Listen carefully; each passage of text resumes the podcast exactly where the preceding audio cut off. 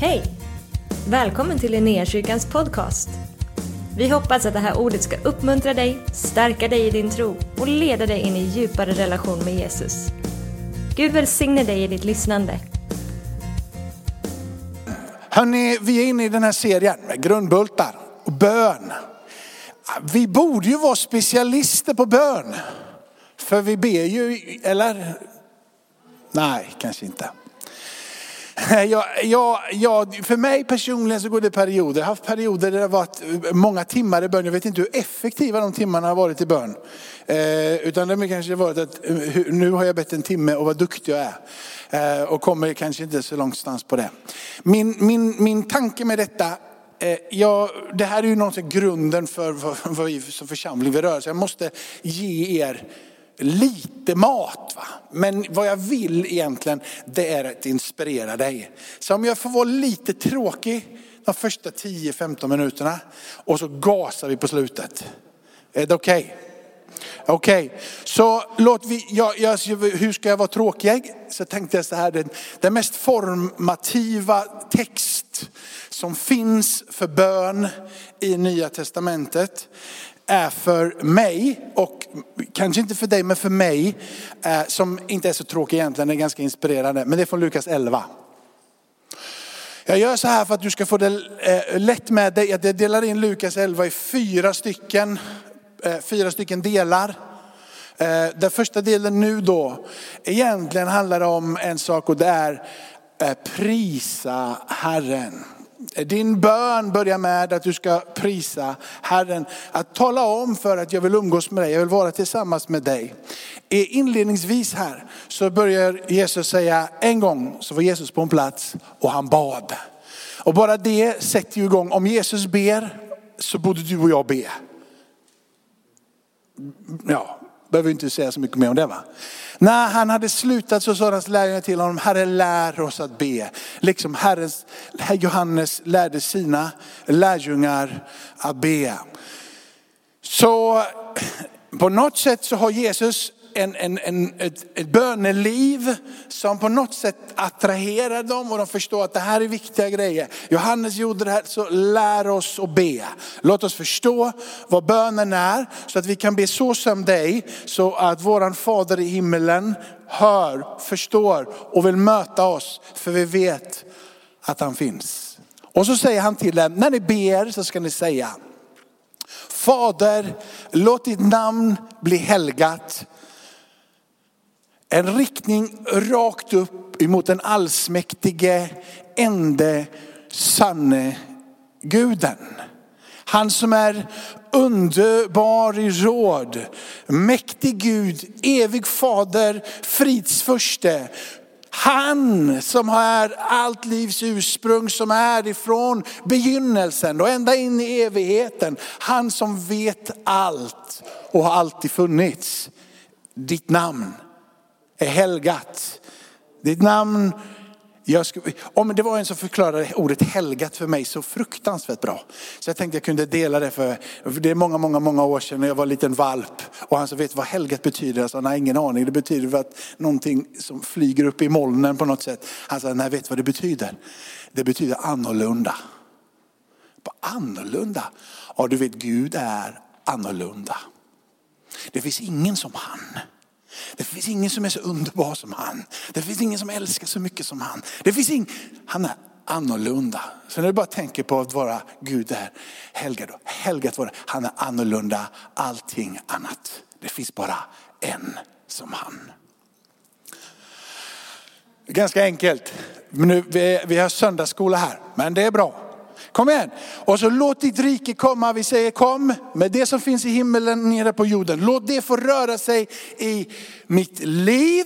Låt det få röra sig i mina omständigheter, låt det få röra sig i min församling, låt det få röra sig i min stad, i mitt land och i min värld. Låt ditt rike komma. Ge oss idag vårt bröd för dagen. Vi kan komma med våra behov till honom. Vi kan ge ett uttryck inför honom om allting det som vi längtar, vill se, som berör våra liv här på jorden. Om jag inte var riktigt tydlig så kan jag vara tydlig när jag tar sista här. Att första punkten för mig då för att dela in det här är egentligen att vi prisar, att vi prisar honom. Tala om för honom vem han är för våra liv och, och, så vidare. Andra punkten är det som vi gör just nu.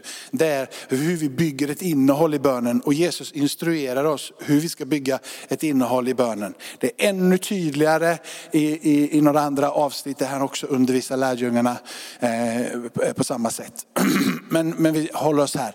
Så förlåt oss våra synder för att också vi ska förlåta var och en som står, till, stå, eh, som står i skuld till oss. Någonstans att alltid komma tillbaka i våran bön till det som får vara en brustenhet.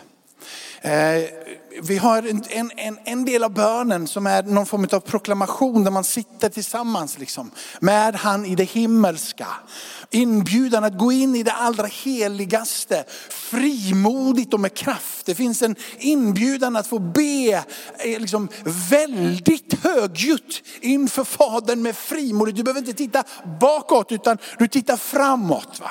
Du behöver inte komma till honom med, med ack och med skuld och med skam, utan du kan komma inför honom och bara säga halleluja. Men det finns en del av din bön där det finns att du böjer dig. Lika mycket som att du står där och är frimodig så får du böja dig ner inför honom. Bara säga jag är en ackens syndare. Beroende utav din väldiga nåd varje dag om och om igen. Hjälp mig, jag förgås i min synd. Och den nåden som kommer över dig då gör att du reser dig upp. Och så tittar du inte på det som du har blivit nedbruten utav, utan du sätter blicken fäst på honom och så får du komma tillbaka till den här platsen utav frimodighet. Någonstans däremellan varje dag, vid korset. Och sen bara våga ställa sig och ropa. Jesus instruerar dig att vara ödmjuk i dina böner. Gud förlåt oss. Hjälp oss att förlåta. Hjälp oss att leva i försoningens ämbete. Låt oss få leva av platsen där vi vill hålla jämnt och fred med alla. Men inte med vår egen kraft och vår egen styrka, utan från det som strömmar ifrån korsets kraft hans förlåtelse som får strömma rakt igenom oss. Och det han säger i sin bön, han säger vad ska bönen innehålla? Så ska den innehålla, för oss inte in i frestelse. Bön av att beskydda oss ifrån det onda, beskydda oss ifrån det. Vi vet Jesus säger faktiskt också att i den här världen får ni lida. Så Jesus fattar att vi kommer få lida och han talar om för sina lärjungar att ni ska få lida. Men han säger också be och ropa. Och allt vad ni ber om kan ni få. Så han säger, det kommer få lida, så be om hjälp, be om beskydd, be om att bli bevarade, be om att kunna hålla ut och hålla fast. Och det som av köttet i oss vill liksom fresta oss att springa iväg. Vi sjöng en sång här där, där, där, du sjöng, där vi sjöng någonting om fiende. Vad sjöng vi? Vad är en av de här texterna? Du, hjälp, du beskyddar oss mot våran fiende. Eller någonting. Vad är fiende? För då satt jag och tänkte, har jag några fiender? Men det är inte det han menar när det står fiende i Bibeln. Utan fiende är ju allting som reser sig upp emot Guds vilja för ditt liv. Allting som vill ta dig bort ifrån Guds vilja är din fiende. Det kan vara dina tankar, det kan vara män, människor som kommer på utsidan. Men framförallt allting, bara tänk allting. Inga personliga saker eller personer på det sättet. Va? Men allting som tar dig bort är just nu din fiende. Det kan vara precis allting. Och så säger Paulus, ni vet, ni strider inte mot kött och blod utan mot förstar och väldigheter. Men blanda inte in så mycket onda andar som kanske är ditt eget kött. Liksom. Utan striden ligger här och pendlar. Men det som är fiende är det som försöker ta dig bort ifrån. Det säger han att ska innehålla i våra böner. Nu har vi gjort det. Okej, okay. nästa. Passagen får vara ifrån vers 5 ner till vers 10 i samma kapitel. Han sa det till dem, om någon av er har en vän och går till honom mitt i natten och säger, kära vän, låna mig tre bröd. För en vän som är på resa kommer till mig och jag har ingenting att sätta fram mot honom. Vem av er skulle då till, till svar där inifrån få till svar där inifrån, stör mig inte. Dörren är redan låst och mina barn och jag har gått och lagt oss. Jag kan inte gå upp och ge dig något. Jag säger, även om han inte går upp och ger något för att det är hans vän, så kommer han att gå upp och ge honom allt han behöver för att han är så oförskämt järv. Och jag säger dig, be och ni ska få. Sök och ni ska finna. Bulta och dörren ska öppnas för er. För var och en som ber han får och den som söker han finner. Och för den som bultar så ska dörren öppnas. När Benjamin ledde här inledningsvis så talade han om tålamod i bön. Och jag, det, det, det är bra, tålamod, tålamod, tålamod. Men i det här sammanhanget så använder Jesus sig av uthållighet. Bara uthållighet. Du är seg. Det finns en seghet i dig, en järvhet. En järvhet där du inte ger upp så illa lätt. Det är inte tålmodigt som du sitter Sitter bara och väntar på att det ska ske. Det var inte det Benjamin menade. Benjamin menar att du fortsätter och fortsätter och fortsätter. Du ber så du får och du söker så du finner och du bultar så ska dörren öppnas för dig. Jesus säger helt enkelt, var lite järv i dina böner och håll ut. Fortsätt. Liksom be inte bara en bön och säga Jesus du vet var jag bor, som Lovisa du vet var min brevlåda bor och så om du vill så kan du komma till mig. Utan du säger jag ger inte upp. Alltså jag vill ha dig och jag vill ha mer av dig och jag vill ha det nu. Låt ditt rike få komma. Låt din vilja få ske. Bryt igenom i min värld. Så det första, prisar honom. Andra, innehållet i den bön Jesus har instruerat dig vad som ska vara där. Så nummer två, uthållighet. Och det kan vi ta en hel predikan på vid något senare tillfälle. Så vi hoppar till punkt nummer fyra. Punkt nummer fyra. Finns det någon far bland er som ger sin son en orm när han ber om en fisk? Eller en skorpion när han ber om ett ägg? Om ni som är onda förstår att ge era goda gåvor till era barn, hur mycket mer ska då inte eran far i himmelen ge den helige ande och den som ber honom? Andas liv över oss igen och igen och igen och igen. Han är trofast din far. Din Gud vacklar inte. Han är inte där borta ena dagen och där andra dagen. Han är densamme nu och för alltid och i alla evigheternas evigheter. Han är trofast. Han håller ut och han håller i dig. Det han vill är att du håller ut och håller i honom så han kan visa sin trofasthet emot dig. Och det går att erfara det tidig ålder. Du behöver inte bli gammal och titta tillbaka och säga sannoliken han var trofast. Utan du kan få vara med om det trots att du är ung och säga, ja, han tog mig igenom igår. Då kommer han att ta igenom mig idag.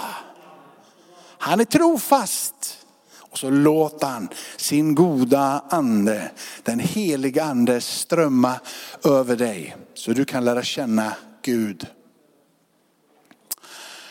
Amen. Mina fyra punkter. Så min fråga är varför ber du? Varför ber du? Är det, jag tror den, den gången då jag blir sådär järv och ivrig, det är när det gör ont. Kom igen, använd dig av det. Använd, låt inte det, ah, nu har jag ont och jag, nu känner jag mig lite dum nästan att jag kommer till dig Gud. Abbas, använd dig av det, låt det få göra ont. Och låt han få veta att det är ont. Det är ett koncept genom hela Bibeln. Människa efter människa i Bibeln har ont. Och så bara väcks de med Gud. Och så börjar de ropa. Urskillningslöst. I tårar så det flyger som Lille Skutt. Liksom. Har ni sett Lille Skutt? Det är säkert. Okej, om du inte tror mig, vi tar, vi tar andra konungaboken. Vid den tiden blev Hiskia dödssjuk och profeten Jesaja Amosson kom till honom och sade, Så säger Herren, se om ditt hus för du kommer att dö och du ska inte tillfriskna. Då vände Hiskia sitt ansikte emot väggen och bad till Herren. O Herre, kom ihåg att jag vandrat inför dig i trohet och med ett hängivet hjärta och gjort det som är gott i dina ögon. Och Hoskia, han bölades som lille skutt. Han grät mycket. Men någonstans där så berörde det Guds hjärta. Han tömde hela sin själ framför Gud. Och Gud ser denna kung.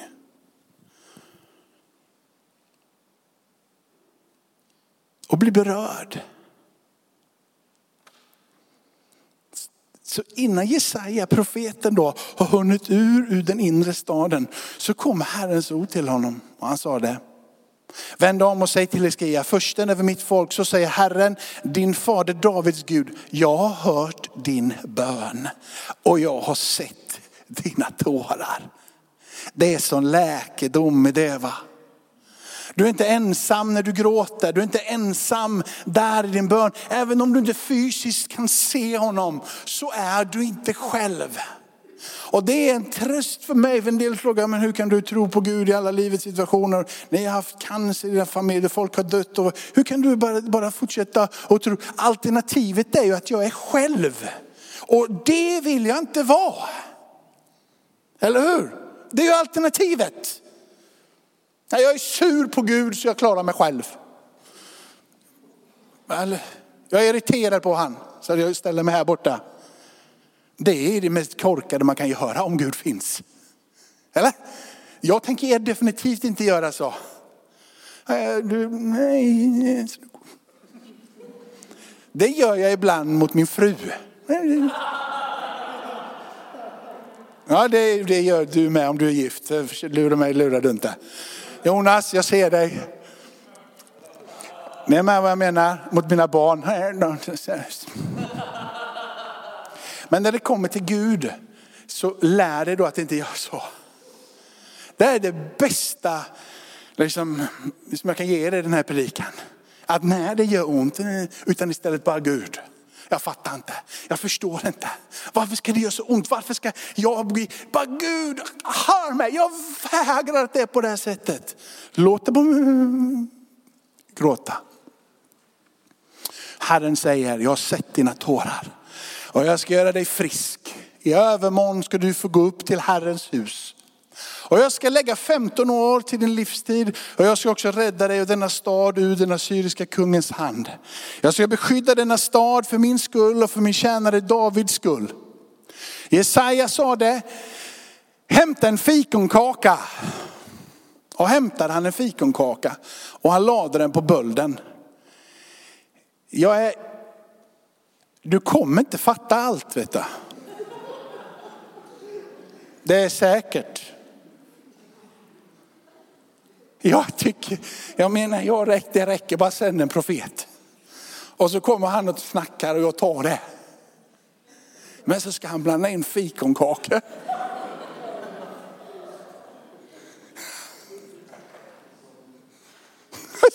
Jag undrar vad han tänker, hon är inte den där fikonkakan igen. Nej, nej, jag ska inte skämta bort det. här. Då dör jag snart. Men jag satt och läste det på allvar och bara tänkte, varför blandar man i fikonkaka?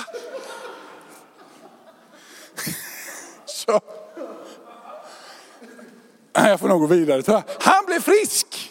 Amen. Ah, skärpning nu. Och jag skrev det till Jesaja, vad är, vad är tecknet på att Herren ska göra mig frisk? Fikonkakan är där, han blir frisk. Och jag bara, okej okay, jag är frisk men jag fattade inte. Vad är tecknet på att det här verkligen var du och inte någon annan som har gjort någonting med den här fikonkakan?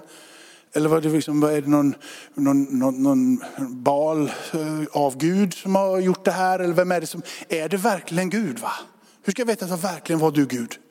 kunde varit vilken andemakt som helst som låg bakom, eller vilken besvärjelse som helst som ligger bakom. Vilken häxa, sangoma, liksom new age. Vad, vad det, hur vet jag att det är du? Och så här ska jag visa att det är jag. I övermorgon får du gå upp till Herrens hus. Och jag säger så, detta ska för dig vara tecknet från Herren på att Herren ska göra vad han har sagt.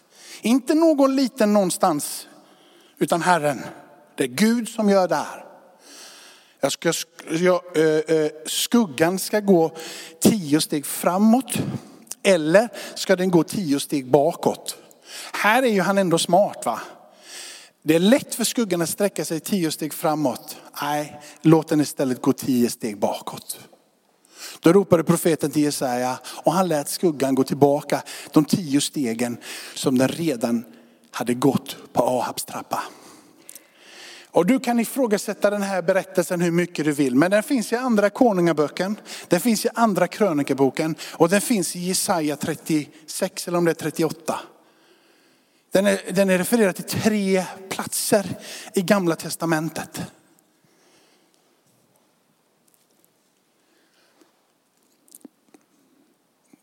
Undrar, undra hur det fungerar i det här hushållet. Det här är kungen utav Judarike. En överväldigande Gud har gripit in och det måste ha format gänget som finns i hushållet och som finns i Israel. När berättelserna går runt, eftersom det är nedskrivet i konungaböckerna och i krönikaböckerna som är då en historieberättelse över vad som sker i Israel på den tiden. Profeten Jesaja skriver ner det också.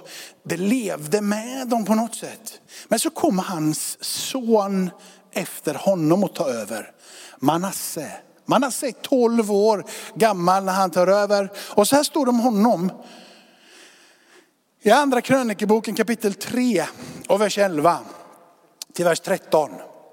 Det är så här att Manasse, han har gjort så fruktansvärt mycket dumt.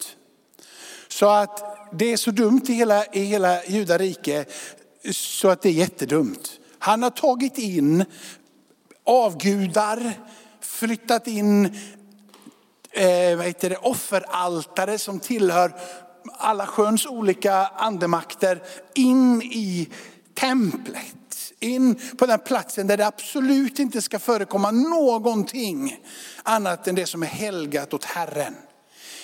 Hur ska du veta, eller hur ska jag veta att det är du Herren som har gjort detta? Jo, jag ska tala om för dig att det är jag som har gjort det här. Och så går stegen baklänges, skuggan rör sig baklänges. Det är viktigt att veta att det är Herren som gör det. Och här börjar den här sonen till kung Hiskia, Manasse, att blanda påsarna. Börjat liksom ta in lite från det hållet och lite från det hållet och upp och ner och fram och tillbaka. Och det börjar lukta riktigt dåligt. Om den autentiska tron som har blivit dem given ifrån Gud den allsmäktige genom profeterna. Med start på Sinai berg genom Mose. Men mitt i allt detta så gör Manasse någonting väldigt bra. Det gick så illa så att Herren lät den assyriska kungens armé komma över dem. De slog Manasse i bojor och de fängslade honom med kopparbojor och de förde honom till Babel. Men när han nu var i nöd. Han vände sig till Gud. Han är inte, han är inte skamsen av sig direkt va? Han fattar att han har gjort fel. Han är i bojor. Han inser att det är mitt problem. Jag har gjort det här emot Gud och Gud har satt mig på den här platsen. Men han har kommit så långt bort ifrån sig själv och sin egen själv förlöjligandet. Liksom själv han har liksom ingenting kvar. Han, han har ingenting kvar längre. Det enda han har är att ropa till Gud. han har ett slut på alla möjligheter, all kraft, all initiativförmåga. Han kan inte komma till Gud och säga, kolla vad mycket bra jag har gjort. Hiskia kunde ju det. Han säger, kolla på mig, va? jag har gjort det här och det här och det här. Men han grät, han grät. Han skvätte över av tårar och Gud i sin barmhärtighet rörde vid honom. Manasse, han hejar, jag har, det, det här är inte bra gjort av mig. Men här fungerar någonting i den här, vi ska läsa de här raderna strax, någonting som fungerade på Manasse som fungerar på dig och mig idag. Vet ni vad det är? Det är nåd. Det är så kraftfullt att få be om nåd. Han har inte gjort någonting annat än fel och jag signar upp mig för den. Jag tänker så här, kan Manasse be så kan jag be. Om han kan våga så vågar jag. Han hade ingenting och det har inte jag heller annat att jag kan skryta med att jag blivit tvättad i blodet från min mästare. Det är det enda jag kan säga. Jag är genomrutten. Men jag åberopar namnet Jesus inför dig, min fader i himmelen. Jag vänder mig, inte med mig själv och med vad jag har, utan med den nåden som strömmar i namnet Jesus. Men när han var i nöd så bönföll han inför Herren sin Gud och han ödmjukade sig så djupt som det bara gick för sina fäders Gud. Och när han bad till honom så bönhörde Herren honom och lyssnade till hans bön och lät honom komma tillbaka till Jerusalem som kung. Då insåg Manasse att det är Herren som är Gud. Du vet bön är hjälp för mig. Det är bara ropa till Gud. Jag behöver inte kunna de bästa formuleringarna, det behöver inte du heller.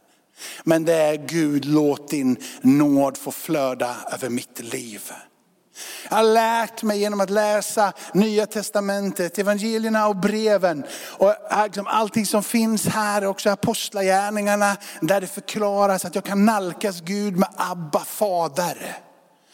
Abba fader, jag är sammankopplad med Gud. Han är inte bara en Gud långt borta, han är en Gud nära som inbjuder dig och mig att vara kommunikativa med honom, att umgås med honom, att leva i en relation, att prata med honom och vara tillsammans med honom.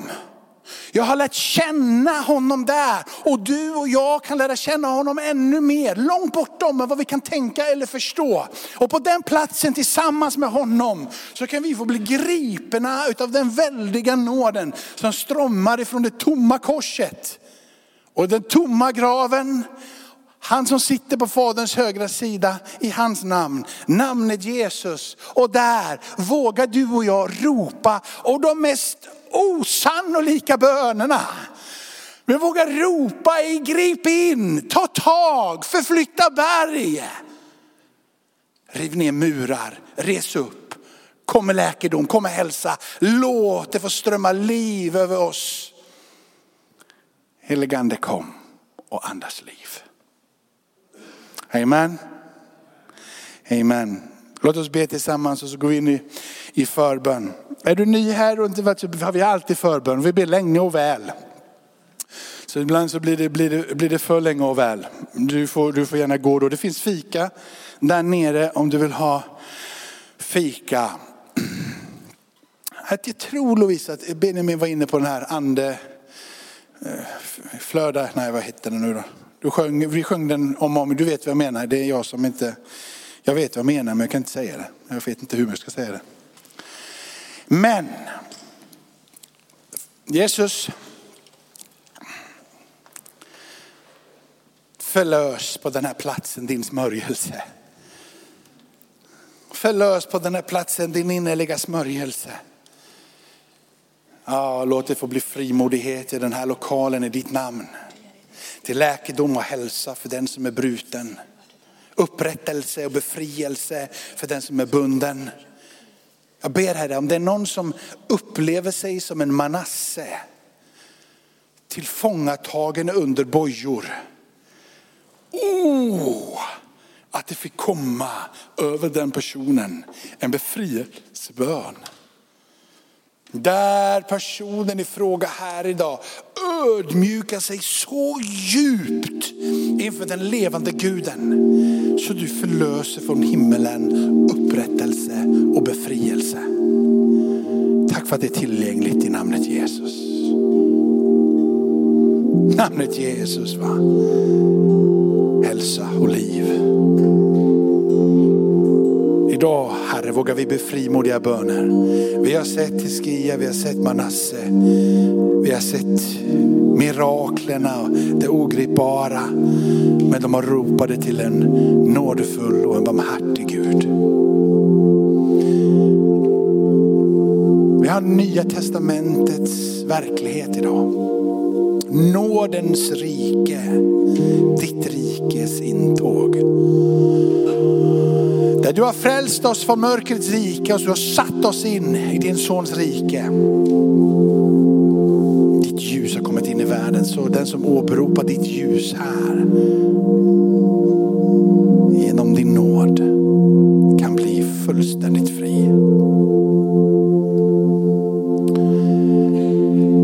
Jesus, tack för löftena Lukas 11 på slutet om din trofasthet.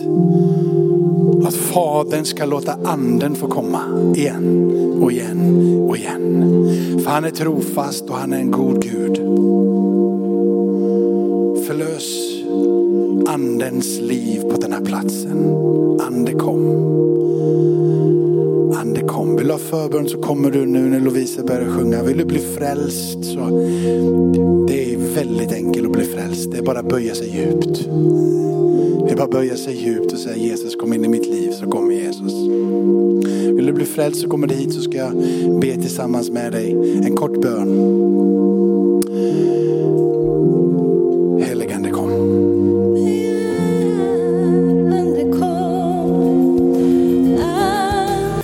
Tack för att du har varit med oss. Hoppas du känner dig inspirerad av Guds ord och har fått nya perspektiv. Hör gärna av dig till oss och berätta om Gud har rört vid dig på något sätt. Vi är så glada att få höra vittnesbörd om vad Gud gör. Du kan mejla oss på adressen info och dit kan du även mejla om du har ett böneämne som du önskar att vi ber för. Eller om du har tagit emot Jesus och inte har någon bibel så vill vi mer än gärna skicka en bibel till dig. Skicka ett mejl med ditt namn och dina adressuppgifter till info så ser vi till att du får en.